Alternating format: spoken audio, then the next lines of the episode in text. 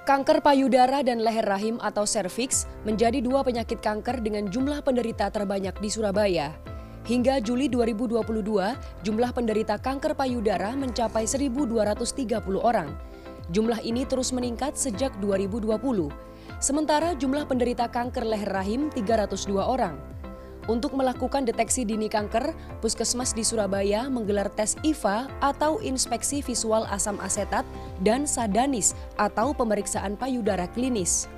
Pemeriksaan leher rahim dan payudara ini diberikan secara gratis mulai September hingga Desember 2022 kalau bisa dilaksanakan penemuan dini, kita bisa mengobati seoptimal mungkin dengan biaya yang memang lebih minimal dibanding kita e, menemukan di stadium yang lanjut sehingga pengobatannya membutuhkan di samping membutuhkan biaya yang, yang mahal e, juga kurang optimal.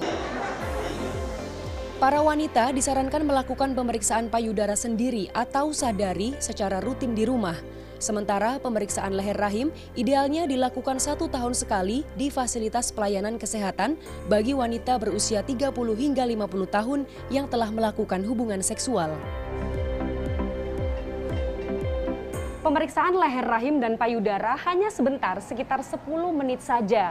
Pemeriksaan payudara dilakukan oleh tenaga kesehatan dengan meraba payudara peserta.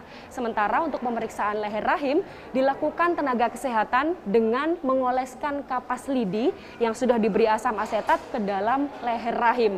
Jika ditemukan benjolan pada payudara, maka peserta harus melakukan pemeriksaan lebih lanjut. Sementara jika ditemukan kelainan pada leher rahim, maka harus dilakukan melakukan krioterapi.